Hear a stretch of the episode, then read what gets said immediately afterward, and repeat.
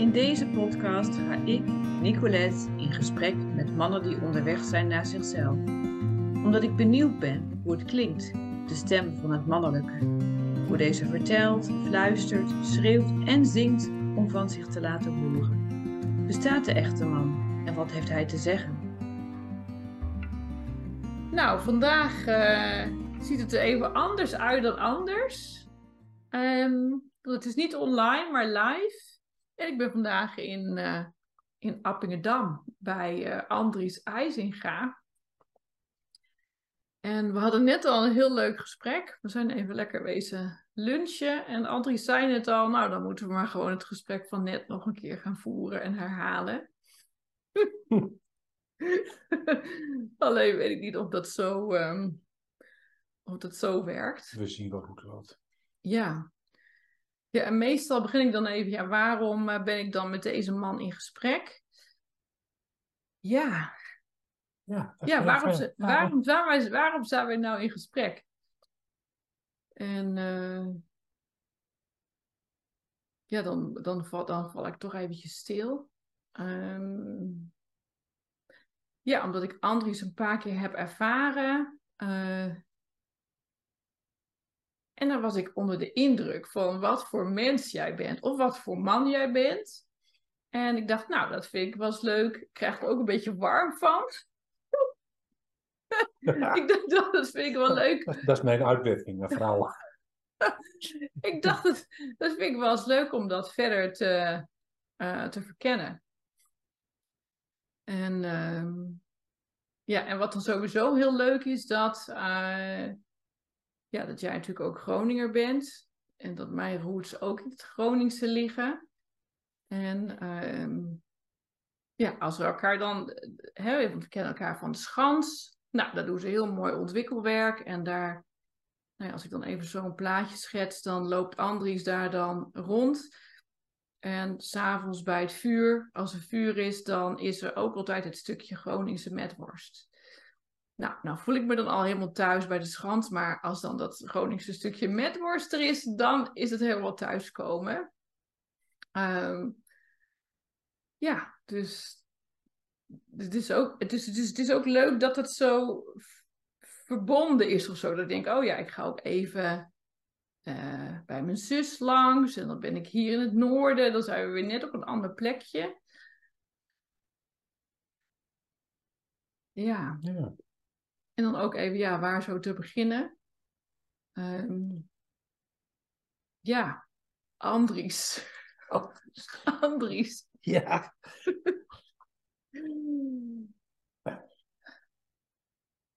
Misschien eerst wat ik dan wel, wat ik wel leuk vind om te horen is iets over. Um, want jij vertelde mij vandaag, ja, ik ben uit 1949. Dus dan uh, ben je al best wel een tijd onderweg. Ja, net over de helft. Ja. Nou, ik vind het wel mooi dat je zulke plannen hebt om dan toch maar heel oud te worden. Ja. Ja. Ja, maar Andries, 1949, hè, dan ben je dus net ietsje pietje, en ik ben nu 52, net ietsje jonger dan mijn ouders. Kan je iets vertellen over waar jij vandaan komt? Oh, zeker wel. Ik ben, uh, heb ik net met jou gedeeld, tot, mm. mijn, tot mijn grote verbazing in Groningen geboren. Uh, mijn ouders hadden het gewoon heel arm, dus de eerste levensjaren heb ik bij mijn grootvader en grootmoeder van vaders kant ben ik uh, opgegroeid. Ik sliep bij opa en oma op de slaapkamer. Als ik die verhaal, ik zat gewoon in de, liep lag gewoon in de kinderwagen. En als ik piepte, dan ging opa even zo schudden en dat ging goed. Mijn vader en moeder moesten naar het werk. Ja. Die waren altijd aan het werk. Die hadden maar één ding. Werken, werken, werken. Mijn vader, nou, ze waren arm. Uh, mijn moeder ook, die is uit een heel armoedig gezin gekomen. Ik noem haar het veenmeisje. Ze is geboren op het veen, inderdaad. Dus mijn oma is bevallen midden op het land. En uh, dan mocht mijn moeder mocht even tien minuutjes bij mijn moeder liggen. En dan moest oma moest weer aan het werk terugsteken. Dus die hadden geen cent te maken. Dus, en ook aan mijn vaders kant was er niet veel. Dus die mensen hebben één ding continu in gedachten gehad. Onze kinderen moeten het beter krijgen als ik. Hmm. Of als wij. Ja. Dus die zijn maar alleen naar het werk geweest. Daar waren ze mee bezig. En ja, en mijn moeder dan vooral, als het maar goed gaat voor de buurt en zo de buurt. Ik moest altijd netjes, ik moest dit, ik, ik moest me helemaal aanpassen. Dus en ja, ik heb toch wel een beetje een eh, vrij karakter of zo. Dat zit ook wel in de familie. Dus dat botste regelmatig. Oh, hoe zag dat eruit dan? Botsen? Nou, ik vergeet dat nooit meer. Ik kreeg van mijn, eh, ik weet niet eens hoe oud ik nu was, hoor. toen kreeg ik een broek. En hoe noem ik het? Een plus voor broek heet dat geloof ik. Dus Zo'n zo'n zo'n keutelvanger met die pijpje van die sokken. Oh ja, ja, ja. Ja, dat was hartstikke, was mode. En mijn moeder had er de hele week voor gewerkt, overuren gedraaid. En ik kreeg op zondag die nieuwe plus voor aan. Nou, ik heb er pakweg tien minuten plezier van gehad. En toen vond ik het toch nodig om ermee door prikkeldraad te kruipen. En toen was die stuk. Ja, want ik wou die broek gewoon. En ik denk, als die stuk is, dan hoef ik hem niet meer te dragen. Ja. Ik viel buiten de tong in de, in de arbeiderswijk dan. Nou, dat heb, dat heb ik wel altijd eh, redelijk volgehouden, ook, ook op school en zo. Ik, eh, ik heb mijn beide zonen nooit kunnen verwijten dat ze spijbelen. Want ik was de grootste spijbelaar van de, van de stijf. Ik liep gewoon weg. Ja. Van de kleuterschool ging ik naar mijn opa op het land. Die was aan het werk en die zag mij komen achter op de kar met de paarden. En de school wist dat op een gegeven moment.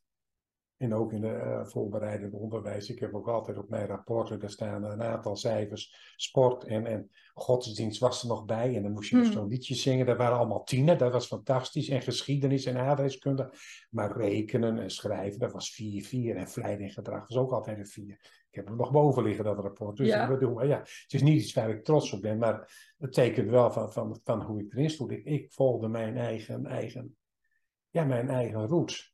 En eh, mijn moeder was heel erg zorgzaam, dus Hmm. die had een aantal regels en daar moest ik mij dan aan houden. En dat wou ik niet. Hè. Ik denk, kijk nou, ik, ik doe mijn eigen ding. En toen op een gegeven moment heeft mijn vader een gesprek met mij gehad. Die begreep mij dan. Dat zei hij, ik begrijp je, maar ja. Hij zegt, eh, ik ben met je moeder getrouwd, dus ik steun je moeder. Dus of je past je aan, of je kunt gaan. Nou, toen ben ik maar gegaan. Toen was ik 17 jaar. Hmm, Dus toen je 17 was, ben je uit huis Ben ik gegaan. uit huis gegaan, ja. Een beetje rondgeslopen, rare dingetjes gedaan. En toen op een gegeven moment denk ik, nou, ik moet toch wat. Dus toen denk ik, weet je wat, ik word soldaat. Dus ik ben soldaatje geworden. En eh, tot 1975, toen ben ik eruit gestapt. En toen ben ik eh, bij de brandweer, op een chemiepark terechtgekomen. En daar heb ik mijn hele leven eh, tot aan mijn 57ste gewerkt. En toen eh, mocht ik eruit. Toen konden ze, wouden ze het zonder mij proberen. En het is ze gelukt. Dus eh, ja. En in die tussentijd ben ik getrouwd. Twee kinderen. Ja. Ook weer gescheiden. Na ja, een paar heftige jaren. En eh, ja, nu zit ik hier in Appingedam en ik woon hier prima. Dat is het in het kort eigenlijk. Maar het is wel een hele, hele, hele korte nutshell, hè? Ja. hey, en dat, dat harde werken dan, hè, van jouw eh, ouders. Als je dan zo kijkt naar jouw leven, wat voor impact had dat op jouw leven? dat ze eh, er heel weinig waren. En mijn vader, ik bedoel, maar er waren nog geen, had geen brommer. En die moest morgen om zeven uur eh, op zijn werk zijn. Die was betontimmerman. Nou, die vertrok om half zes op de fiets. Moest soms meer dan een uur fietsen. Nou, dan was hij s'avonds tegen zes uur thuis. Dan was het even eten.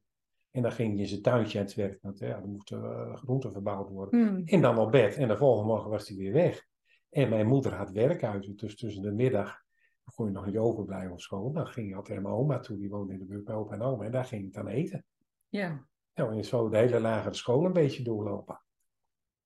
En toen, eh, ja, toen was het nog heel simpel. Jouw vader was timmerman, dus jij gaat naar de ambachtschool. Dus dat heet nu de LTS, maar dat was toen Mm. nog de ambachtschool. Dus daar ben ik een jaar heen geweest. En eh, ja, toen heeft zich daar iets afgespeeld waar het toch beter was dat ik niet weer terug hoefde te komen. Toen was ik Mm. 14 jaar. Ben ik van school gezet. En eh, ja, toen kwam je s'avonds thuis. En nou ja, mijn vader die was, dan kreeg een schop onder mijn hol, om het zo maar eens te zeggen. Ja. En de volgende morgen om eh, half zes stond hij naast mijn bed. Ik zei, wat gaan we doen? Hij zei, je gaat naar het werk. Dus ik ben meegegaan. Achter op de, op, toen had hij wel een brommer, achter op de brommer. En we zijn naar het werk gegaan. En nou, dat was een aannemer. Hij zei, het is mijn zoon, die moet werk hebben. En ik had werk. En toen ben ik begonnen te werken. En dat beviel eigenlijk wel prima, wat ik bedoel. Maar ja, ik had toen 66, nee, 64 gulden in de week verdiende ik. Was dat dat- veel? Dat was een hele hoop geld, ja, zeker. Ja, voor in die tijd wel. Ik bedoel, dan praat je over 1962, 1963, dus dat was voor mij een hele hoop geld. En eh, op een gegeven moment toen, eh, nou, was er een vriend van mijn vader, die had een schoonmaakbedrijf en die zocht glazenwassers. Nou, ik denk, dat weet ik niet, is dat wel iets voor mij? Ik denk, ga het proberen. Mm. Dan, dan kreeg je gevarengeld. Oh, En dan liep je op de ladder en dan stond je drie hoog tegen zo'n Ja. flat aan. Maar dan liep je niet naar beneden. Als je klaar was met het raam, dan stapte je op de vensterbank. Met je rug naar de muur en dan schoof je collega beneden de ladder en jij liep zo op het venster. Ja, maar Help. Ik in plaats van 64 had ik toen eh, weken erbij van, van, van, van, van 115 100 tot 130 gulden. Dus voor een jongetje van 16, 17 jaar was dat een hele hoop geld. ja. Ja, een brommetje kan er komen, er kan nog even voor een motortje sparen, al dat soort dingen wat je leuk vond. Nou, ja, op een gegeven moment dan word je denk ik verstandig of zo. Ik weet het niet. Maar. Ja, weet ik niet. Wanneer werd jij verstandig? Nou, eigenlijk nooit denk ik. maar ik had wel zoiets, dit wil ik niet mijn hele leven doen. Dus toen heb ik gekozen eh, om onder dienst te gaan en militair te worden. Ja. Ja. En Ben je daar dan een echte man geworden? Nee, dat word, dat word je niet. Een echte man, ik denk, dat is wat je onder een echte man staat. Als je zegt, maar een echte man is een macho, ja, dan, dan, dan ben ik een echte man. Toen. Ja, ik, ik kon niet stuk, ik deed allemaal rare dingen, geen uitdaging te groot. Ik was continu mijn grenzen aan het verleggen. Mhm. Dus ik ja, dan als, je dat, als je dat als een man ziet, maar dat is voor mij geen man. Nee. Nee. Voelde jij dat toen ook al zo? Oké. Nee, toen nog niet direct. Nee, toen, toen, toen was ik. Ik, ik- want ik werd ook gezien natuurlijk, hè. In Ja. al die gekke dingen die je deed. Ja, zeker. Maar ook door, door, door wat ik zei. Ik bedoel, maar... eh, en dat is, dat is als wij vroeger, als er, als er wat ergens gebeurde, was, was eh, vechten in Groningen, vechtpartij in de kroeg. Mhm. En Henk, dat is mijn vriend, die is al lang overleden. En wij kwamen binnen, was het vechten afgelopen. Oké. Ja, op een of andere manier boezemden wij, of straalden wij iets uit waar mensen dus inderdaad zoiets hadden van, nou, beter van niet. En dat is niet iets waar ik trots op ben, maar op dat moment, ja, dat, dat voelt wel goed. Als mensen je zien komen en ze zijn respect, en achteraf denk ik, het was ook heel vaak gewoon angst. Ja. Je zat in een hele andere wereld, en ik bedoel, maar ik, eh, ik heb laatst nog een foto gevonden, die was voor RTV Noord. Ja. En daar zit ik midden tussen de souteneurs, Wat zijn dat? midden, midden tussen de pooiers en de souteneurs als, als jongeman. Ja. En want er was een probleem met de burgemeesters jaren geleden. En, nou, en ik zit daar gewoon tussen. En dat waren gewoon mijn vrienden. Ja, ik heb nooit iets met prostitutie te maken gehad. Maar ik kon die gasten wel allemaal. Want als jongetje van, toen ik nog in de bouw zat, ging, eh, kwam er iemand bij me die zei, Andries, ga je mee zaterdag timmeren? Huizen te timmeren, Mhm. kappertjes timmeren. Ja, weet ik veel. Ja, prima, maar dat was dan in, in, in de rode buurt in Groningen. Het waren andersoortige kamertjes. Ja, maar die waren we gewoon aan het. Maar Ja. zo, eh, koffie, soep en s'avonds een uur of vier, half vijf, dan kwam zo'n gozer er kwam met een gigantische bak. Dan kwam er een kratje bier uit en dan werd er contant betaald. Geweldig.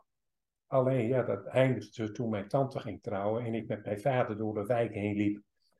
Op weg naar de winkel om nieuwe kleren te kopen, dat een aantal dames tegen me zeiden, hé, hey, Andries. en toen had mijn vader zoiets, hé, hey, wat is dat? dus toen heb ik dat maar opgebied, zo dat afgelopen, ja. Ja. Maar goed. Maar dat, is, dat zijn allemaal dingen, ja. Ik, ik denk dat het heel belangrijk is. Je wordt op een gegeven moment ook over je wordt gevormd door, waar kom je weg? Ja. Ja, al die ideeën van mijn ouders, die mijn ouders en mijn vader en mijn moeder hadden over opvoeding en religie, ja, die worden er allemaal ingepompt en soms ook nog wel een beetje hardhandig ook. Ja. En, en dat pik je gewoon op en dan op een gegeven moment kom je tot de ontdekking, ja, maar dat ben ik helemaal niet. Ja, een soort marinade is dat. Ja, Ja. Je wordt helemaal ingewikkeld en, en gerold en dat, dat is. En als je maar aan dat plaatje voldoet, dan is het goed. Ja. Maar ja, als je zoals ik buiten het boompje valt, ja, dan is het een, dan is het een beetje anders. Ik ben ook Ja. een beetje- denk ik, als ik zo naar mijn neven en nichten, en we hebben wel neven en nichten, ik ben wel een beetje het, wat zij dan vroeger dachten, het zwarte schaap. Ja, maar ik paste niet in de regeltjes. Ja. Ja, Hoe, hoe was dat dan voor jou? Om, om, ja, dat was voor mij gewoon. Dat, Ja. ik, ik had daar geen. Ik, ik, ik had altijd zoiets. Ik vind dit niet leuk als ik naar school moet of wat dan ook. Dus dat doe ik niet. Nee. Waarom zou ik dat doen? Waarom moet ik iets doen wat ik niet leuk vind? Want zij denken dat het moet. Ja. Ja, en ik had ook zelf niet, niet zo'n goed zelf. Ik denk, ik kan ook helemaal niet leren. Ja, daar was ik ook helemaal niet mee bezig. Nou goed, en toen na de dienst ben ik bij de brandweer en toen moest ik het leren. En toen bleek inderdaad dat ik inderdaad toch wel goed leren kon. Ja, ja dus daar lag het niet aan. Daar lag het niet aan, maar het was gewoon gebrek aan interesse. Ik heb in die tijd bij de brandweer, ik heb meer dan 50 diploma's en certificaten gehad. Zo. Zonder een boekje. Ik heb het boek, las het boek één keer en dan zat het erin op een of andere manier. Dus ja. Uh, ja. Ik ben dan al die tijd maar één keer gezakt voor een examen op de dag dat mijn vader begraven is. Toen dacht ik, ik kan s'avonds nog even dat examen doen. Dus dat, dat ging mis. Ja. Ja, dat, dat is het. Dus ja, ik denk dat ondanks alles wat ik heb meegemaakt, dat, dat, dat vormt je. En, en dan, dan zie je ook uh, andere dingen om je heen. Ik kan ook heel rustig naar mensen kijken die, uh, nou, die zeg maar rare dingen doen, die gek doen. Ja, die, die agressief zijn. Dan denk ik, ja, oké, ik, ik herken dat wel.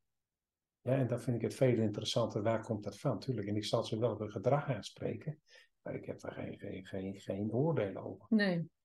En en dat is dan omdat je het zelf mee hebt gemaakt? Of dat het voor jou ook, uh, dat je die emotie ook kent? Ja, wat, wat ik jou vertelde. Ik, ik voelde, maar toen ik in dienst kwam, ik voelde helemaal niks meer. Ik voelde helemaal geen emotie.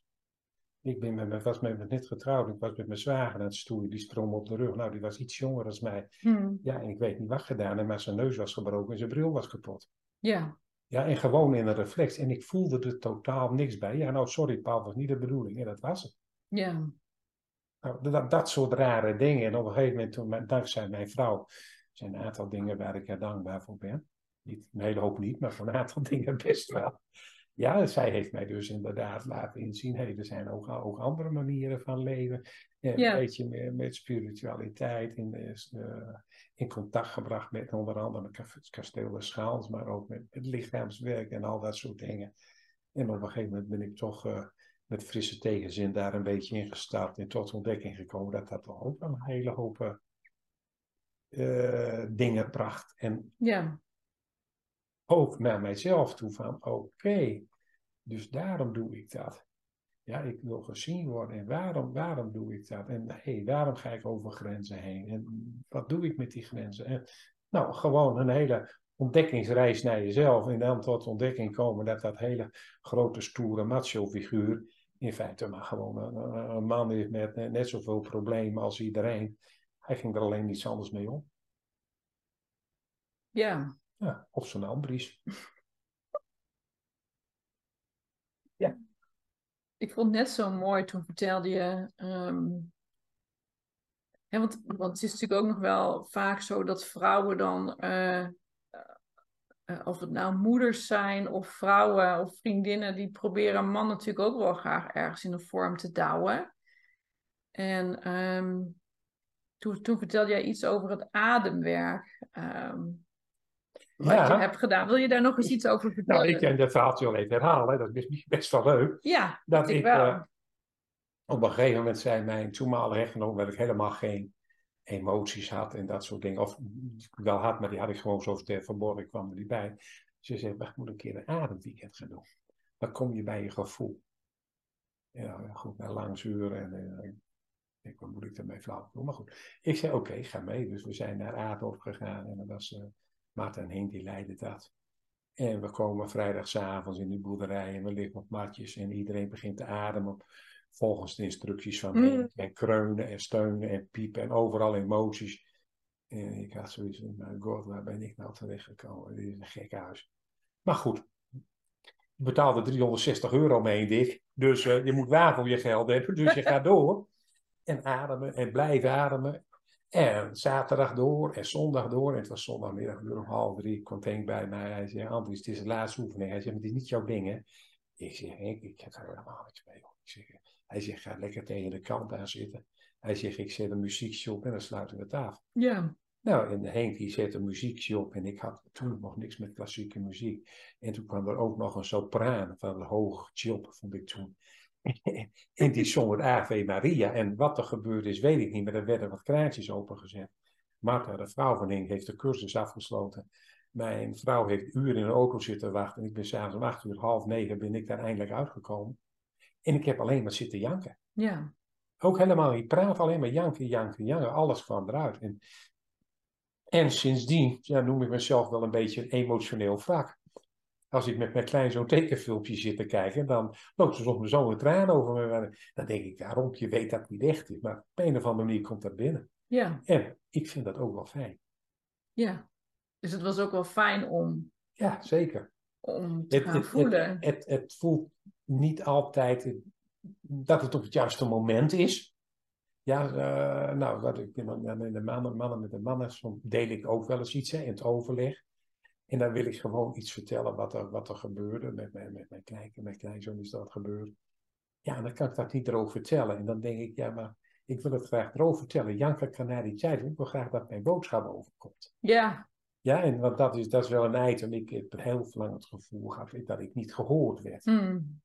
En, eh, Maar goed, dat is, eh, nou, dat is het. Soms voelt het ongemakkelijk, maar schamen er niet voor. nee. Nee. Nee. Ja, zo ging het met dat adem. Ja, ja, ik vond, die kan, ik vond het gewoon zo mooi dat jij ook zei, waar we net aan het lunchen waren, van oh ja, en toen ging ik huilen, bleef ik huilen, vanaf toen werd ik een emotioneel wrak. Ja, Ehm, ja maar zo, zo, Dat dat, dat zeg ik wel, maar dat, dat, dat is het niet. nee, Maar ik, ben wel, ik kan wel geraakt worden. ja, Ja, en ik word heel, heel gauw geraakt. Dat vind ik. Ik kan heel moeilijk eh, eh, leed en verdriet van een ander zien. En ik heb, ik heb wel voor mijzelf beloofd, en dat weet ik ook wel. Ik, kijk, ik, ga, ik heb vroeger best wel veel geweld gebruikt. Ik ga, ik ga nooit geen geweld meer gebruiken. Hmm. Maar dan is dat toch weer, komt weer de nuance. Ja, maar als er een of andere viezerik aan mijn kleindochter zit, dan is die van mij. ja, Dan ga ik de laatste jaren van mijn leven ga gewoon wel zitten, maar hij is wel van mij. Hmm. Nou, dus dat is echt van, ik wil helemaal geen geweld meer. Ik vind het prima, ik kan alles zonder geweld. Ik kan met mijn mondje af. Ja, ik weet niet. Het, het is een beetje dubbel allemaal. En ik maak me daar niet druk om, maar soms voelt dat wel, eh, dat ik denk van nou, waar ben je nou mee bezig? Ik ben, ik ben best een hele gekke vent, geloof ik. ik denk namelijk nog steeds ja, dat ik op een of andere manier niet kapot kan. Dat denk jij. Dat, dat gevoel heb ik. We lopen een paar jaar geleden lopen we hier in het centrum, was een groot feest in het centrum. En daar staan jongens van Satudara staan tegenover de groep Antillianen. En het is s'nachts om vier uur. En ik loop met jullie, we gaan naar huis. Jullie zeggen, Andrietje, bemoeit je er niet mee. Ik zeg, is goed joh. En twee keer al later staat er midden, staat er midden tussen. Ja, nou, toen was ik al 70 jaar. Ik bedoel, maar die jongens die lachen je uit. Maar op een of andere manier heb ik dan, ja, maar dat gaat mij niet gebeuren. Nee, En, en dat vind ik zo vreemd. En, en wat dat is en waar dat wegkomt, weet ik niet. Vind ik ook niet belangrijk om te weten. Het is gewoon het feit, is er gewoon. Als ik iets zie, dan stap ik erin. ja.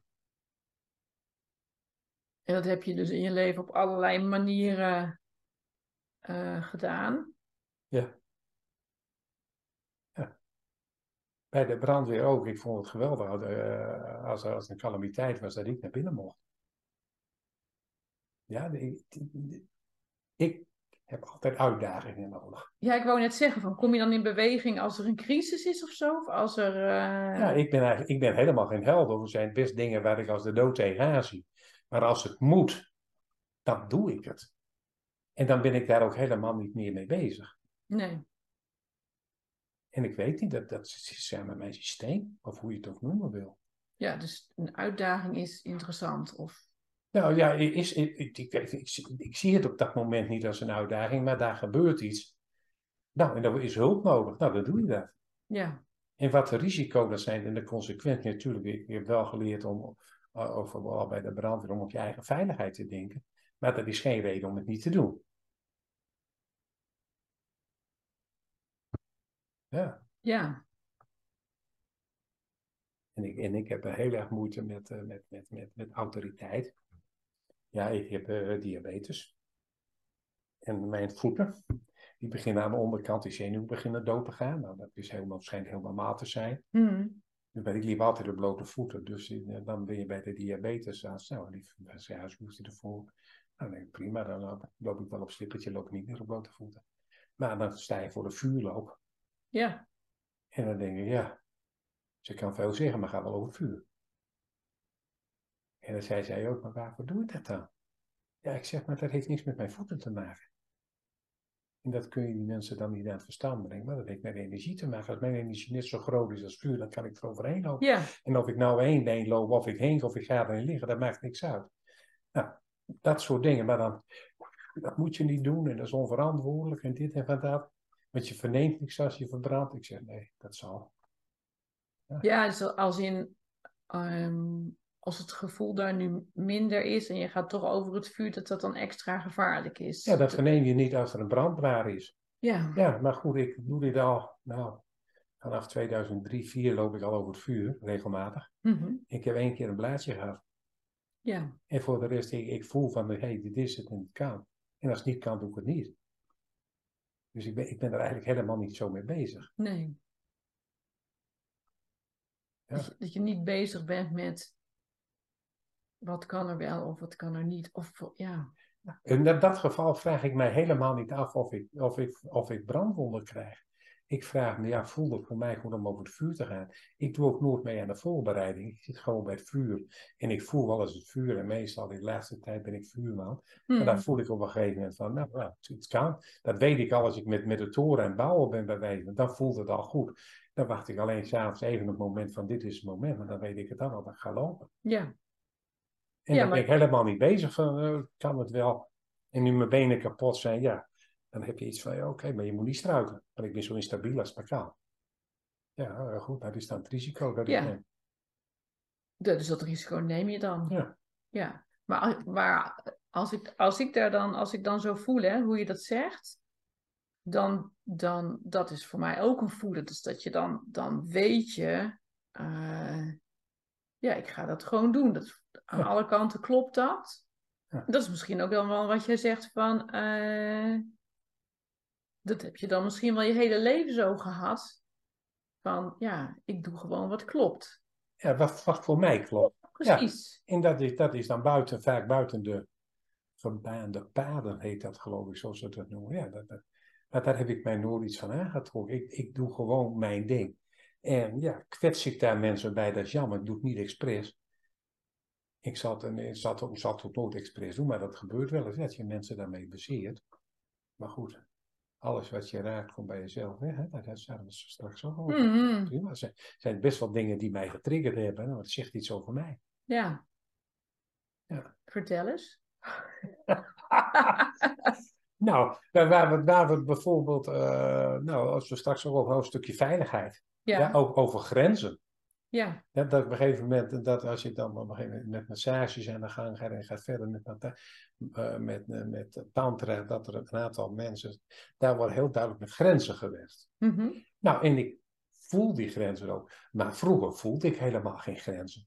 Ik wist wel dat ze er waren, maar ik, ik negeerde ze gewoon. ja. Want vanuit mijn opvoeding, ja, ze vrouwen die zijn eh, voor het huishouden, dat was in die tijd zo. Mm. Dus en ja, daar werd ook heel eh, raar over gesproken, opmerkingen gemaakt. Dus dat krijg je als klein jongetje krijg je mee. Dus ik bedoel, maar ja, als je dan een vriendinnetje krijgt, dan denk je, nou, er moet wat gebeuren. En als zij dan haar grens aangaf van stop, dan doe die hand daar weg, dan deed ik mijn hand weg. Maar even later was ik wel weer aan het manipuleren, dat die hand er toch weer bij kon. Ja, Net zolang tot ze op een gegeven moment er flauw van was, of het misschien wel fijn vond, dat weet ik niet. Toegaf ik, maar in feite dende ik over haar grenzen heen. ja, Ja? Nou, en dat, ja, dat zijn dan dingen, dat, dat is inzicht en voel je daar schuldig over. Eh, er zijn een hele hoop dingen in mijn leven waar ik best wel, spijt van heb dat ik het gedaan heb. Mm. Maar het heeft me ook gebracht waar ik nu zit. Als ik niet de jongen was geweest die ik was, toen als qua jongen was opgegroeid, als puber Mm. en weet ik veel wat, en als militair, en later als brandweerman en in mijn relatie met mijn ex, ja, dan was ik niet de man geworden die ik nu ben. Nee, dat hoort er allemaal bij. Ja, dat, dat hoort erbij en dat gaat met vallen en opstaan. En ja, eh, die een die wordt er doorgedragen, nou, ik heb me er doorgevochten. Ja. Ja, letterlijk en figuurlijk. Ja, nee, ik ben het wel even aan het voelen, want er komen zoveel mooie sporen langs. Maar ik vind die over die grenzen wel mooi zo van, hè, er wordt natuurlijk wel vaker dan gezegd van, eh, eh, in grensoverschrijdende dingen ehm, hè, wordt dan vaak gewezen naar de man. Maar, maar eigenlijk, dus als je goed kijkt naar de samenleving, dan is dat ook gewoon hoe we dat eh, mannen met de paplepel gaven. Zo van, ja, zo wordt dat.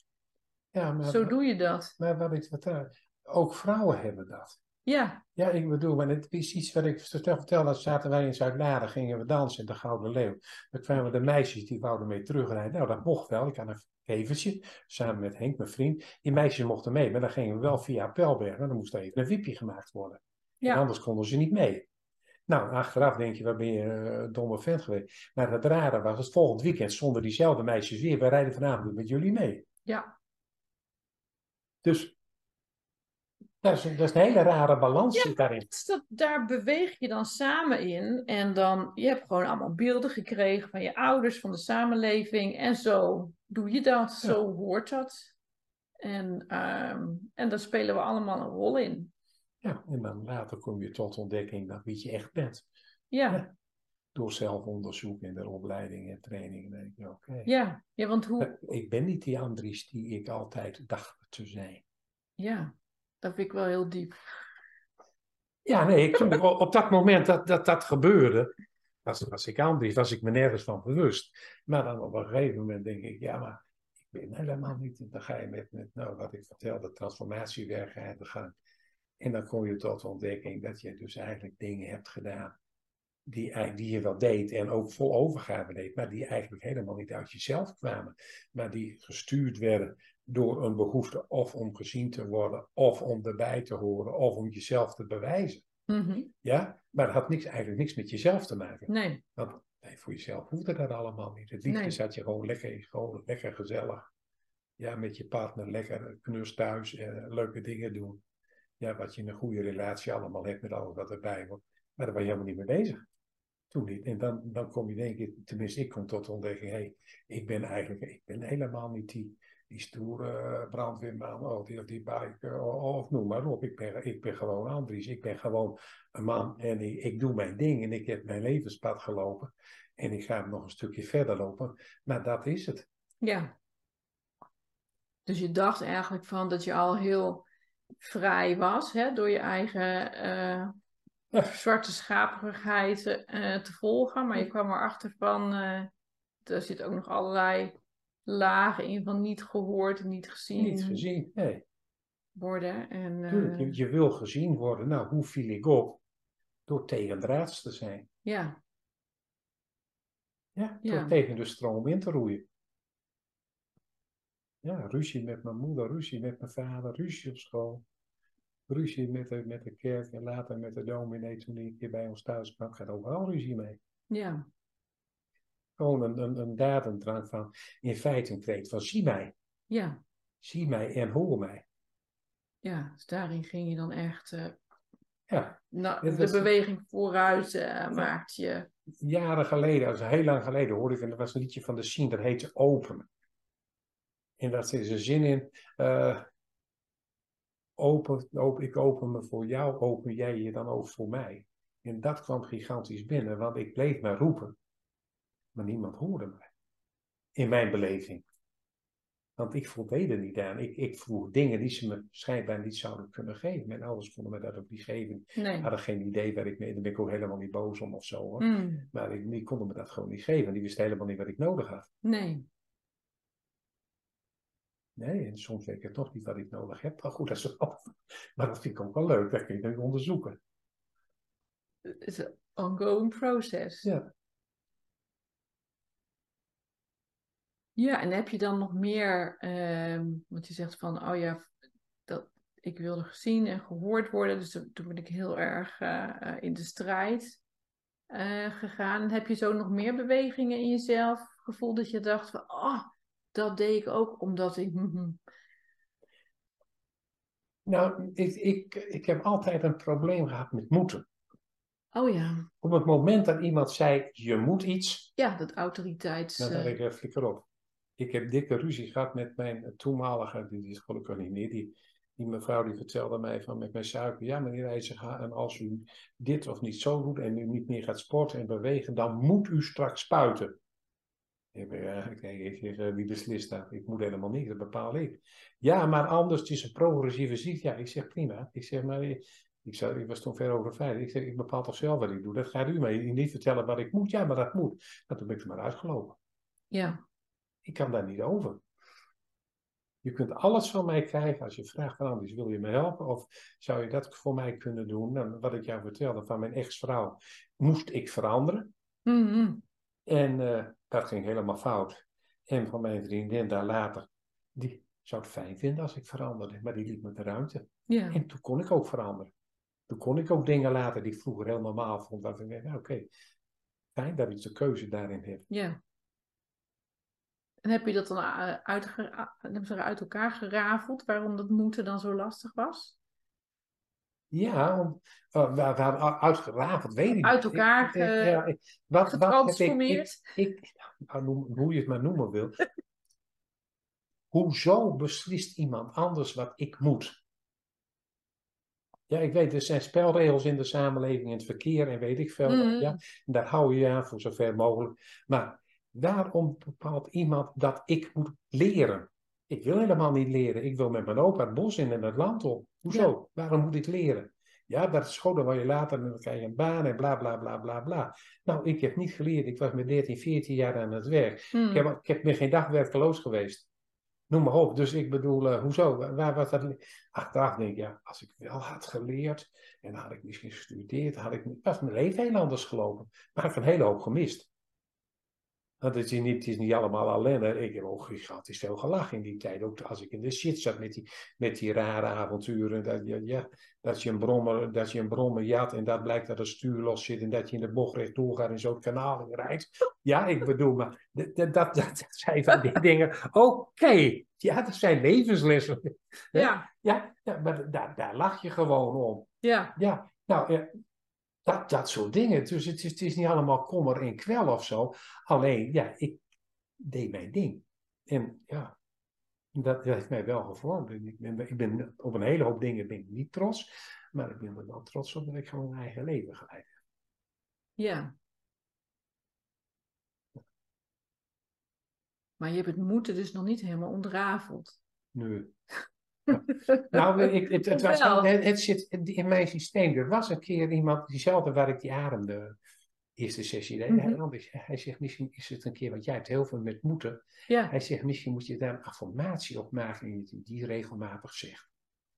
Ja, ik zeg, ik heb wel een. Hij zegt, dat is, ik moet ontmoeten. Ja, er zit wel twee keer moeten in.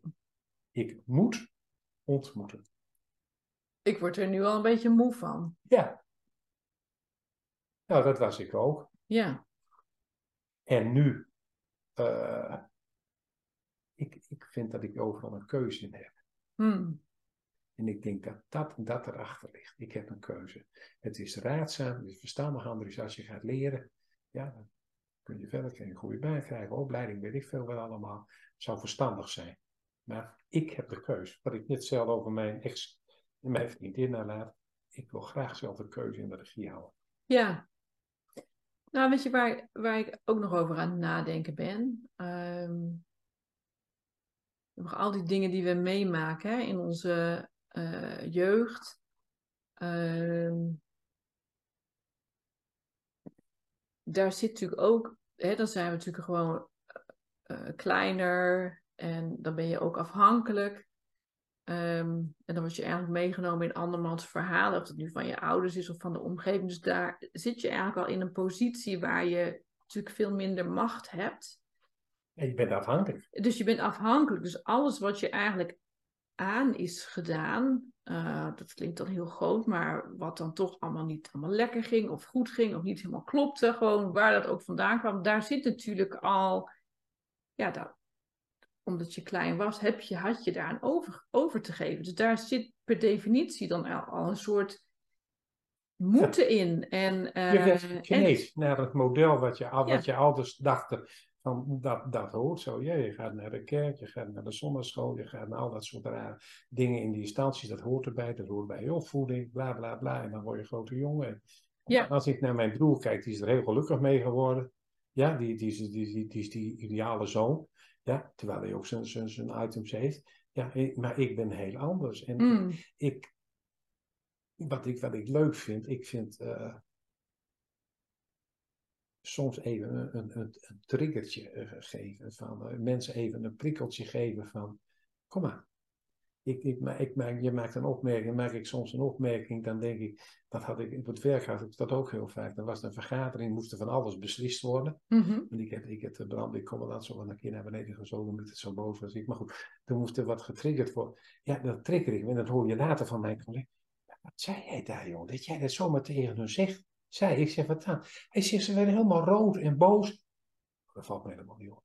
Daar is ik helemaal niet mee bezig.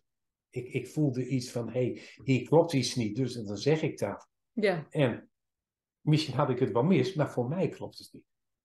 ja, Nou, en dat botst. Soms. ja. Niet iedereen kan daarmee omgaan. Nee, jij hebt, het, jij hebt het flink laten botsen in je leven. En soms mijn kleinzoon die komt hier, die kwam een poos geleden hoor, een paar jaar geleden. Opa, ik zit op zonneschool. Ik zeg, mooi joh. En hij had net op zijn verjaardag had hij een jonge puppy gekregen, een slot. Mhm. Die heet Sky. Dus hij kwam, "Ja, zonneschool dit en zonneschool dat. Ik zeg, dat is mooi joh. Ik zeg, en wat doe je daar dan? Nou, ik heb een liedje geleerd. Ik zeg, nou vertel. Nou, hij, de Heer is mijn herder. En ik kijk hem zo aan. Oh my goodness. Ik zeg, dat is mooi. Ik zeg, maar Sky is toch jouw herder? Dus de volgende keer gaat zit hij voor de zonneschool en hij zit daar te zingen, Sky is mijn herder. Ja, dan, dan kun je mij wegdragen. Dat vind ik geweldig. Ja, fantastisch. Nou, en, en dat soort dingen, dat vind ik nog steeds leuk. Een beetje teasen, pleasen, prikkelen. Maar wel binnen de grenzen, Ja. denk ik. En hoe, hoe doe je dat dan nu in je huidige leven? nou, weet je, eh, als, je, als je wat ouder wordt, dan, dan, dan, verandert er ook niet alleen lichamelijk, maar ook je, gevoel wordt eh, dieper, volwassener. Tenminste, zo Hmm. ervaar ik dat. Maar ik vind het nog steeds leuk om, om, om prikkelende opmerkingen te maken. Ja, en tegenwoordig moet je gewoon uitkijken wat je zegt, want anders eh, dan hang je. Maar dat, dat interesseert mij niet. Nee. Ik, ik zeg het, zeg, zal nooit iets zeggen om, om iemand te kwetsen of wat dan ook. Maar ik vind het wel heel leuk om iemand met een of andere opmerking eh, de andere kant van zijn gedrag te laten zien. Ja. En ja, en dan moet, als zij daardoor geraakt worden en ze doen er iets mee, is prima. Doen ze er niks mee, vind ik het ook prima. Ja. Maar het moet niet nooit meer ten koste gaan van. Als ik een opmerking over jou maak en de hele zaal ligt lauw van het lachen en jij voelt zich onprettig bij, dan is dat een verkeerde opmerking. Ja, precies. Dan zet je iemand te kakken. Ja. En als Ja. ik een opmerking maak waar zij ook om lachen, maar waar jij zelf ook een grijns niet kunt onderdrukken. Dat je denkt, Ja, oeh, nou, ik mag wel een beetje. Ja, nou, dan is die goed. En Ja. dat zet je tot nadenken. Ja. Dat heb ik met, met die kids waar ik mee werkte ook. Ik, ik vertelde ze nooit wat ze moesten doen. Ik vertelde alleen maar wat ik gedaan had. Ja, ik- Wat, wat, vertel eens iets over die kids waar je dan... eh, Nou, dat, dat, dan, die, die komen dan hier wel eens en die, die zitten dan in de shuttle, die komen gewoon logeren hier zo. Nou, die hebben gewoon problemen. Ja, en, en met, met de maatschappij of met, met, met drugsgebruik of met, met noem maar op. hmm, Nou, en ik heb nooit geen drugsgebruik, maar ik heb er wel veel mee te maken gehad. Nou, en dan, dan vertel ik gewoon, ja, hoe, hoe ik daar tegenaan kijk en, en hoe ik dat zou hebben gedaan. Ja. En voor de rest laat ik het gewoon. En ze zijn welkom en ze krijgen een knuffel en ze duiken op logeerbed. En de volgende morgen douchen en we gaan, eh, we gaan gewoon verder met het gesprek. Ja. Ze mogen er gewoon zijn. Kijk, ieder, ieder, ieder mens, dat geldt ook voor mijn kleinkinderen. Mijn grootste fout die ik gemaakt heb, is dat ik mijn zoon wou beschermen voor de fouten die hij maakte. Mijn jongste zoon. Ja, maar die heeft precies net zoals ik. Dat is ook zo'n zo, op zijn een dwaasbommel. Een dwarsballen.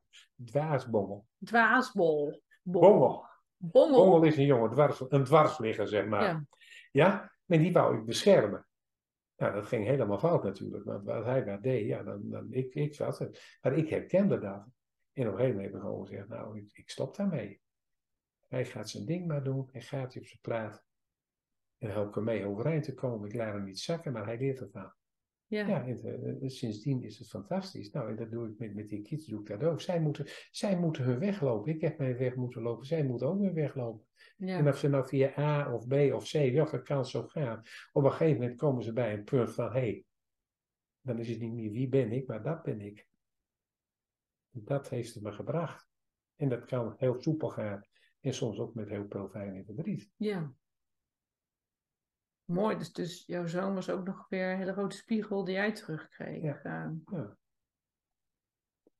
Alleen het alcoholverbruik al. Hij was 18 jaar, hij stond achter de bar en ik stond dan met speciale gelegenheden bij de deur. Nou, ik had dan zo'n glas, zo'n vaasje noemen jullie dat. hm. Nou, die werd continu bijgevuld, maar ik had, en daar werden gewoon de rekeningen van het bedrijf. Ik had geen idee hoeveel ik dan dronk. Maar ik zag wel dat Stefan ontzettend veel dronk. Dus ik ga naar hem toe. Ik zeg, Stefan, die jongen. Ik zeg, maar jij drinkt veel te veel, man.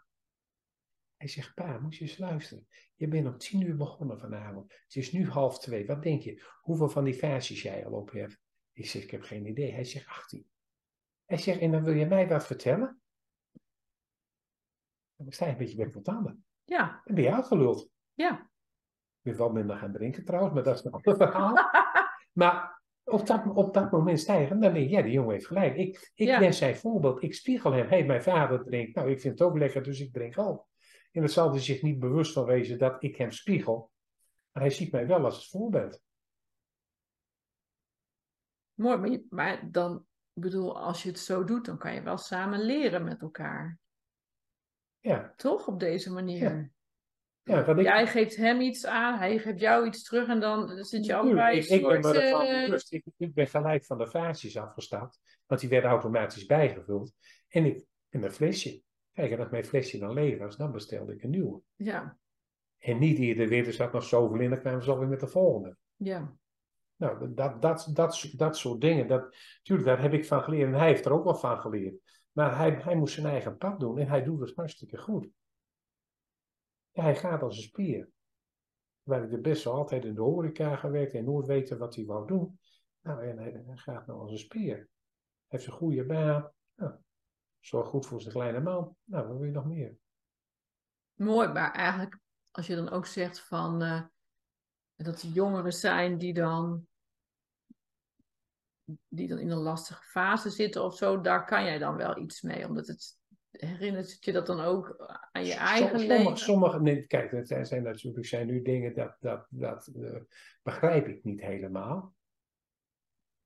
Want als ik vroeger iets uitspookte, wist ik drommels goed dat dat niet binnen de kaders zat. Mhm. Ja, als het een vechtpartij was geweest of wat. Als, als, je- als je een wondje opliep met een vechtpartij, je ging nooit naar de dokter toe. Want dan moest je vertellen wat je gedaan had. Ja, Dus dat deed je niet. Dus Nee. dat- al die, die, die littekens, dat vermond je gewoon met een lapje en dan ging wel weer over. Ja? Maar nu zijn er mensen die willens en wetens bepaalde dingen doen, omdat ze overal gewoon puur scheid aan hebben. En, dat- en dat moeten zij weten. Maar zij baseren daar ontzettend veel andere mensen mee. Als je ziet wat er tegenwoordig aan drugs gebruikt wordt en hoe normaal dat wordt gevonden. Ja, en met dat lachgas en dan toch in de auto stappen. Dan denk ik dat is prima, maar ik wil wel eens een keer met jou praten. Gewoon morgen vroeg, als je net uit je bed komt, je bent gedoucht, je hebt lekker moment, dan gaan we, nou, waar- waar- waarom doe je dat? Mhm. Ben je bewust van de risico's? ja, En dan bij 9 van de 10 blijkt dan ja, dat ze zich daar, als je zo praat, er wel mee bewust zijn. Maar als je juist in de sfeer van de groep energie, dat ze gewoon meegaan. Ik heb dat, ik heb dat hier ook met, met, met, met, met, met, jonge vrouwen gehad, die in, in een bepaalde groepsdynamiek zaten. En ik zei, ja, maar vind je dat fijn nou? Ik zeg met die, met die jongens en, dat- en dat seks en dat blow en noem maar. Nee, eigenlijk niet. Waarom doe je het dan? Ja, anders heb je, dat zijn mijn vrienden. Nou, ik zeg, stop er maar mee. Ik zeg, moet je eens kijken wie er overblijft. Blijven al je, je echte vrienden over. ja, Nou, en bij sommigen slaat dat aan en bij anderen gaat het helemaal fout. Die gaan gewoon door. Dat is prima, is hun keuze. ja. Ja, zijn ze voor mij niet minder om. Die hebben nog iets te leren. Ja, maar dat, daar pak jij dus eigenlijk wel een rol in ehm, vanuit jouw achtergrond om te kijken van hé, hey, eh, ja, kan ik, kan ik ze bereiken of zo? Of kan ik ze. Ja, als, als ik inderdaad, dat, daar zie ik iets in. Dan wel, ja, zeker wel. Ik heb dat niet, niet met iedereen. Nee. Nee, dat, dat klopt. Maar ik, bedoel, ik heb het zelf ervaren. Ik heb, eh, ik heb jarenlang een geheim gehad. Het is nog een geheim. En dat zat op mijn rug. Ik heb alles gebroken wat boven mijn middel is. Op een gegeven moment ben ik, ben ik, echt, ben ik echt, echt gevallen. Heb ik alle ribben gebroken, mijn nek gebroken, pezen in de schouder afgescheurd en noem maar op. Mm. En eh, nog steeds niet doorhebben wat er aan de hand was. En toen waren we in een transformatieweekend en toen was ik alweer hersteld. En toen uh, schuurde ik mijn andere pezen van mijn andere schouder. En toen zei die dame, anders wat tijd dat je je rugzakjes een keer leegmaakt. Hmm. Ze zegt, wat vind ik niet raar? Je flikkert zes meter naar beneden. Alles is kapot, maar alles wat op je rug zit. Nou, toen heb, ik, toen heb ik over dat geheim heb ik wat gedeeld wat ik daarvan kwijt was. En sindsdien heb ik nooit dat gebruikt. Ik heb allemaal ribben mijn nek, nou, noem maar op. Zware hersenschudding. Ik had een grinsteen uit een centimeter in mijn kop staan. Zo op ik gevallen. Een grinsteen? Ja, grinsteentjes. Oh, dus die Ja, helemaal mijn kop, ik mijn kop in de grond, ja. Terwijl het allemaal beton was en één vierkante meter grind. En daar heb ik met mijn hoofd in geslagen. Was ik met mijn hoofd op beton geslagen en dan was het, eh had ik hier niet meer gezeten. Ja, Dus dat zijn allemaal, hoe kan het als je zes meter naar beneden valt, maar je valt niet zo, maar je valt zo. Dat je met je hoofd in dat grind valt. Hoe kan dat? Dat zijn andere dingen mee bezig. Ik heb het altijd gezegd, eh, het gevoel gaat het mijn pa mij daar neergelegd heeft. Dat hij mij even op zijn manier een lesje heeft willen lezen. Maar nou jongen, ga maar eens aan de gang met je shit. ja. En wat heeft het nou met die jongeren te maken dan? Oh ja, god, ik draai er helemaal door. Nee, maar ik ben even... Nou, nou, wat, wat, ik ben even zo aan het voelen, zo, wat, oh, wat wat, ik denk dat, dat, dat jij in je leven, ook als jongere, best een hele hoop signalen krijgt van, hé, hey, je zit op het verkeerde pad, of het verkeerde spoor, of je loopt ergens tegenaan. Ja, kijk, ik vind het helemaal niet zo raar dat zoveel kinderen tegenwoordig eh, emotioneel het zo moeilijk hebben en zich niet Mhm. gehoord en gezien voelen. Ja, daar, daar heb ik wel een idee over hoe dat kan, maar dat, dat gaat veel te ver. Maar die, die kids hebben, moeten misschien even, even voor zichzelf iets uitwerken. Ja, Ja, en, je, en je krijgt signalen. En als die signalen niet opgepakt en ze kunnen het, ze kunnen het niet alleen, denk ik, nou, daar, daar, daar moet dan goed of. Want ik, ik- Als je, ik noem dat als het rugzakje. Als je je rugzakje goed ingepakt is, dan kun je ermee dealen. Kijk, mijn verleden gaat nooit voorbij, maar het zit wel goed ingepakt. Ja, Het zit op de plek waar het hoort. En vroeger liepen als een gaas door elkaar heen. Ik denk dat heel veel jongeren dat nu hebben. Ze moeten, ze moeten, ze moeten. Dat heb je weer dat moeten. En toetsen en eisen en leren en studeren en werk en kamers en bla bla. bla. Ze moeten allemaal. Maar er wordt helemaal niet gevraagd, maar wat wil je nou werkelijk? Wat zou jij nou fijn vinden om te doen? En Andries, heb, heb jij dat dan ook heel erg gemist in die periode? Dat er, dat, dat er iemand was voor jou om dit mee uit te werken of aan te kijken? Nou, nee, niet om uit te werken. Wat, wat ik wel heel bijzonder vond, ik, ik had twee hele bijzondere opa's. Dat, dat meen ik serieus, dat kan ook niet anders natuurlijk.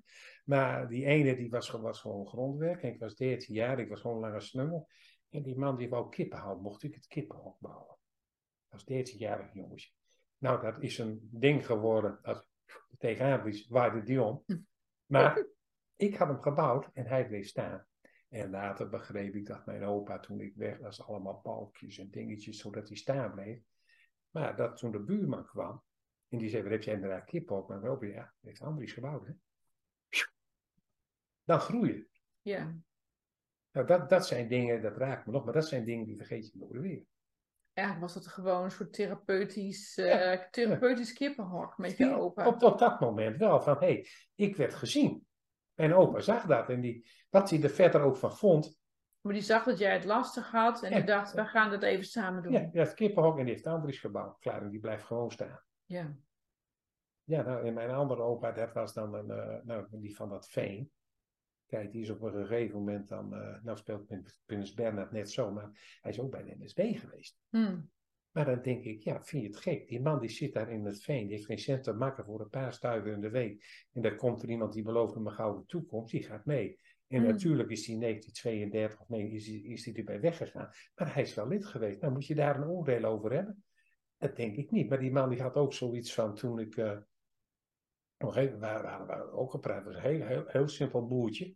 Hij zegt: Andries, moet je goed horen, wij hebben hier alles.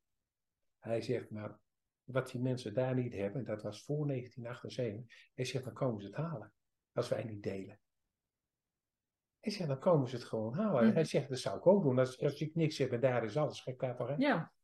Hij zegt, en dat zien ze gewoon niet. Dus nou, dat, dat, dat soort, soort opa's. En het was maar een heel eenvoudig mannetje. Toen, toen ik getrouwd was ook, toen kreeg ik van hem, uh, moest ik meekomen naar de stal, want hij kon niet meer op de bruiloft. Dat was al ver over de negentig. Nou, moest ik mee naar de stal, kreeg ik 100 gulden van een vrouw niks meer nodig, mannen, hè, dat, zo was dat dan nog. En toen zei hij ook tegen mij, dan kan ik nou wel een lachetje aan. Vrouwen zijn net violen. Oh. 94, ik zeg, hoezo? Hij zegt, hoe beter jij met stokje in de weer gaat, hoe mooier de muziek wordt. Dat is fantastisch. 94, die oude kromme stok die daarvoor hangt, die was van hem, daar liep hij mee. Oh ja, ja. En die is in de loop van de tijd krom En die moet nou zo staan van Jesper, want dan is dat net de boog van, uh, hoe heet dat? Kung Fu Panda of zo, die heeft ook zo'n stok. Die oh ja, ja, ja. Nou, daarom moet die stok op die beker staan. Nou, dat is, dat is zijn stok. Nou, dat, ik, dat, ik vind dat geweldig. En hij had natuurlijk gelijk. Zowel over de mensen die komen, maar over het viooltje. Nou, dan is mijn vraag, ja, wat, wat is voor jou een echte man? Ja, ik denk dat ik dat nog niet weet. En, uh, waar, waar, we het net al over hadden, zo van, um, dan word je ergens uh, geboren uh, met familie en, um, en samenleving in een dorp of stad. En dan is dat hoe het hoort. Um, ik denk dat ik daar nog steeds in aan het uh, zoeken ben of aan het vinden. En um, wat ik ook tegen jou zei, is van, oh ja, ik heb volgens mij al dat vrouwelijke, daar heb ik al wel heel veel in uitgezocht. Ook in dat hele. Uh, als ik naar mezelf kijk, dan zat ik heel erg in mijn hoofd en daal ik eigenlijk steeds verder af mijn lichaam in. En uh, kan ik dus steeds beter voelen. Uh, maar alleen dat voelen, ja, daar, dat is wel leuk of zo. Ja, en dan. Maar je gaat er, je, gaat daar dus ook iets mee doen. Um, dat wil ook de wereld in. Um, ik weet niet meer, dat las ik laatst ergens, zei iemand ook van, nou ja, als je dan, als je dan een soort kennis of zo hebt, of ervaring, en je doet er niks mee, dat, dat is eigenlijk alleen nog, dat is nog frustrerender dan dat je niks weet. Ja. um, en, en voor mijn gevoel is dat mannelijke stuk heeft echt te maken met uh, de wereld ingaan. En, uh, en het naar buiten te brengen. En het doen. En, uh, nou, en als jij dan hè, zo vertelt, zo van, oh ja, zo'n kind was ik. Um, hè, dus jij deed, dus jij ging eigenlijk hè, de aanvallende strijd in en je deed waar je zin in had. Nou, ik was zo'n kind. Ik um, deed precies het tegenovergestelde. Ik trok me terug. Ik keek lekker om me heen. Ben jij goed? Ben jij goed? Dan ben ik ook veilig, weet je. Dus, als het, dus ik zorgde natuurlijk ook nog dat ze dan zich blij en gelukkig en weet ik veel wat allemaal voelden. Dus dan, uh, als iedereen goed was, dan was ik veilig ja, dat maakt het eigenlijk best wel heel lastig om jezelf te voelen en ook om je leven te leiden. Want ja, wie ben ik dan? Uh, wie, wie ben ik dan eigenlijk? Als ik me alleen maar bezig hou met hoe andere mensen erbij zitten. Ja, dat niet alleen, maar wat jij zegt, en dat triggert mij over veilig, dan voel ik me veilig. Ja. Wat, wat maakt dat jij je anders dan veilig voelt? Ja, omdat ik niet weet uh, wat er dan gebeurt als iemand. Uh, boos wordt of uh, iets geks richting mij. Uh, dus ik heb, dat, ik heb het daar te managen, zodat ik uh, uit de picture blijf. Zodat het in ieder geval niet richting mij, dat niet bij mij terechtkomt. Dus jij bent bang voor dingen die je zouden kunnen raken, zeg het zo goed? Of was bang misschien? Um,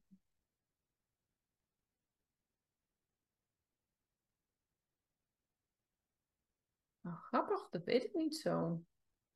want je zoekt heel erg veiligheid. Dus veiligheid zoek je als een stukje onveiligheid is. Ja.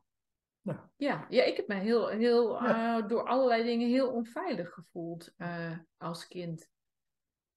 ik wist helemaal niet dat dat zo was hoor. Daar, Nee, nee. daar ben ik natuurlijk jaren geleden pas Vertel achter. mij wat. Daar ben ik natuurlijk jaren geleden pas achter gekomen. En elke keer gaat er weer een laagje af. En denk ik, goh, ik dacht dat ik toch best een hele leuke jeugd had met leuke, lieve ouders. Ehm, en dat trauma alleen maar was voorbehouden aan mensen die eh, oorlogen hadden meegemaakt. Maar ik kom erachter zo gaandeweg van, oh, nou dat deed ik dus allemaal. Eh, daar was ik aan het pleasen. Eh, daar was ik mezelf aan het weggeven. Ehm, ja, zodat ik een soort buitenschot bleef. Hè? Zodat, zodat eh, Ja, dat je niet opviel. ja, ik was echt super onzichtbaar. Opgaan in de massa. Ja, dus dit, dit, Ja. dit is dus ook heel spannend. Ja. Want ik word hoorbaar, ik word zichtbaar. En ik zei gisteren nog tegen mijn zus, ik hoop echt dat mijn ouders dit niet gaan luisteren. Ja, en, en, en ik- dan zou ik juist zeggen, nou, dit moeten ze juist wel gaan luisteren. Ja, Want dan laat je een kans zien die zij misschien helemaal niet weten. ja, Wat ik jou vertelde over hoe ik er vroeger bijliep, dat mijn moeder, de- toen ik nog getrouwd was, een drama vond, want ik voldeed niet aan de normen.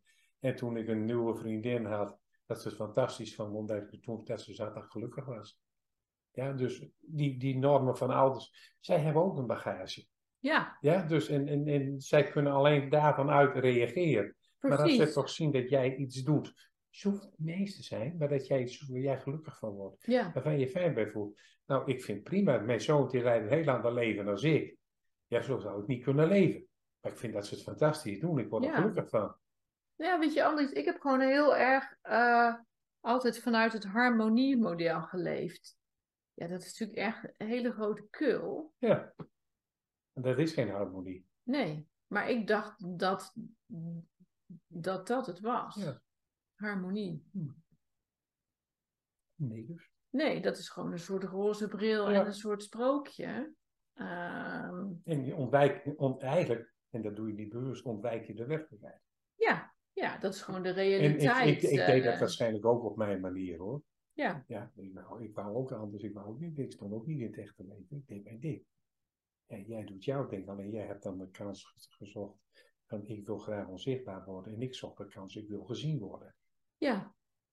Ja, en, ehm, en nou ja, zo heb je natuurlijk allemaal van die strategieën om te overleven. Dus nou ja, bij Mhm. mij was dan inderdaad pleasen en, eh, en een soort van uit buiten beeld blijven. En ik woonde vroeger ongeveer in de bibliotheek. Ik denk, eh, nou, weet je, dan ga ik wel lekker daar, daar, ga ik daar wel kijken hoe het leven is. In verhalen van andere mensen. Want mijn eigen verhaal vind ik toch best wel heel lastig. Dus dan eh, kan ik daar ook een beetje zo in verdwijnen in die verhalen en in die Mhm. sprookjes. En Een ehm, fantasiewereldje. ja, Ja, maar die had ik in feite ook. Ik denk dat iedereen dat heeft. Want je leeft in je wereld met, met het doel dat je, ik, ik wil gezien, jij wou je werken, maar dat je daar in die rol ook inderdaad, dat je daarin past. Je zoekt de rol die bij je past. ja, Ja, en of dat nou naar links of naar rechts is, dat past op dat moment bij jou. En, en daarom denk ik ook de echte man, maar ook de echte vrouw, die, die bestaan niet. nee, precies. Die bestaan helemaal niet. Ik Nee. bedoel, maar eh, ik, ik vind mijzelf een man. Maar ik heb ook wel ontzettend veel vrouwelijke dingen in mij. Ik ben overtuigd. Ik wel zeker. Ja, ik bedoel, maar de kenmerken die aan vrouwen worden toegeschreven, nou, die heb ik ook. Ja, en ik ken ook genoeg vrouwen die ook echt wel mannelijke kenmerken hebben. En dan bedoel ik niet dat ze ook maar, maar gewoon eh, staan voor hun dingen, naar voren gaan, als het moet. Ja, Ja. Dus ik bedoel dat het, echte bestaat niet. Je bent, ik denk, je, eh, nou ja, als in, de, de, dat echte, de echte mens, die bestaat. ja. Ik denk dat het ook zo is. En wat is dan, dan als we het dan eens over hebben, wat, wat vind jij dan vrouwelijk aan jezelf? Eh, Dat, ik- dat, ik, dat ik, denk ik, dat ik heel gevoelig ben. Ja, ik, ik, ik, eh, de kleinste dingen kunnen mij raken. Hmm. Ja, wat ik vroeger nou, tot, aan, tot aan mijn eerste houtbouw, zeg maar, wat ik niks voelde. Nu, nu voel ik een hele hoop dingen en, en dat raakt mij gewoon als ik bepaalde dingen zie. Eh, dat, dat komt zo bij mij binnen. En soms ontroert mij dat en soms word ik er verdrietig van. Maar of het typisch vrouwelijk is, weet ik niet, maar ik schijn het toe aan een vrouwelijke eigenschap. Hmm. Ja, en het mannelijk is voor mij, dat, dat is dan inderdaad daadkracht. Maar jongens, ik rijk uit en ik doe mijn ding en ik bescherm. Bescherm degene die het lief heb, bescherm, ja, enzovoort, enzovoort. Dat is mijn taak. Maar ik vind het ook heel fijn om eens een keer lekker helemaal bij iemand weg te kruipen en gewoon een kleine jongetje te zijn. Ja. Dus het is en-en. En het een is wat dominanter dan het andere waarschijnlijk. Mm ja. Dat is wel wat er is. Ja. Nou, ik denk dan als we het dan hebben over zo kleine jongetjes of kleine meisjes, dan denk ik dat ik dat, dat het kleine meisje er, er wel was bij mij, maar dat het kleine jongetje, dat ik die een soort uh, weggepleased heb. Ja, ook wel. Ja, want dat jongetje is zo verbonden met ik wil. Ik wil. Ja, maar jij wou ook al wat. Ja. Ja, weet je, ik, ik, ik, heb die kleine kleindochtertjes. Dan kom je daar een keer in de 14 dagen de vrije zee. Dat je die zit er dan en heb ze die hele kleine glitterdingetjes van, van hoe heet dat, van die, die ben ik met die neus, van die zij is daar geloof ik ook bij, de sneeuwkoningin, weet ik veel. Mm. Nou, en daar zit ze dan, opa, ja, dan moet je dat zo doen. Nou, dan zit ik met zulke kleine nieren, zit ik met dat meisje, zie ik daar te priegelen. En dan kijk je, opa, wat ben jij dom, dat kan dat helemaal niet. En daar geniet ik van, dan denk ik, hallo, dit is heel wat anders dan aan een Harley Davidson sleutelen. Ja. ja, en toch, ik geniet daar ontzettend van. Niet, niet alleen van dat doen, maar ook om dat samen eens met zo'n meisje te doen. En dan denk ik, ja, nou, dat is het voorrecht dat je een grootouder bent en dat je een opa of oma maakt niet zo. Dat, dat soort dingen, dat, dat maakt het leven waard om te leven. Ik bedoel, maar ik weet dat het leven eindig is, maar ik hoop dat ik oud mag worden. Maar dan mhm. vooral om te zien hoe mijn kleinkinderen. Ik heb er net weer een kleinzoontje bij in mij gekregen. Nou, die wil ik graag nog wel een jaar of 10, 15 zien worden. ben ik wel van plan. Ja. En dat, dat lijkt mij geweldig. Maar is ja, op een gegeven moment is het afgelopen. Dan, dan moeten jullie verder zonder mij. Ik weet het, het wordt moeilijk. Ik weet ook niet hoe jullie dat gaan doen, maar ik denk dat je het kan. Ja. Ja. Dus geen echte man, geen echte vrouw, een echt mens. Ja. Ik denk dat dat het is. Ja. Nou, dan kun je nou stoppen met jou, je podcast. Je hoeft niet meer op zoek naar echte man. Je gaat op zoek naar echte mens. Nieuwe podcast dan is dit het einde. Dit was uh, Andries Goedenavond.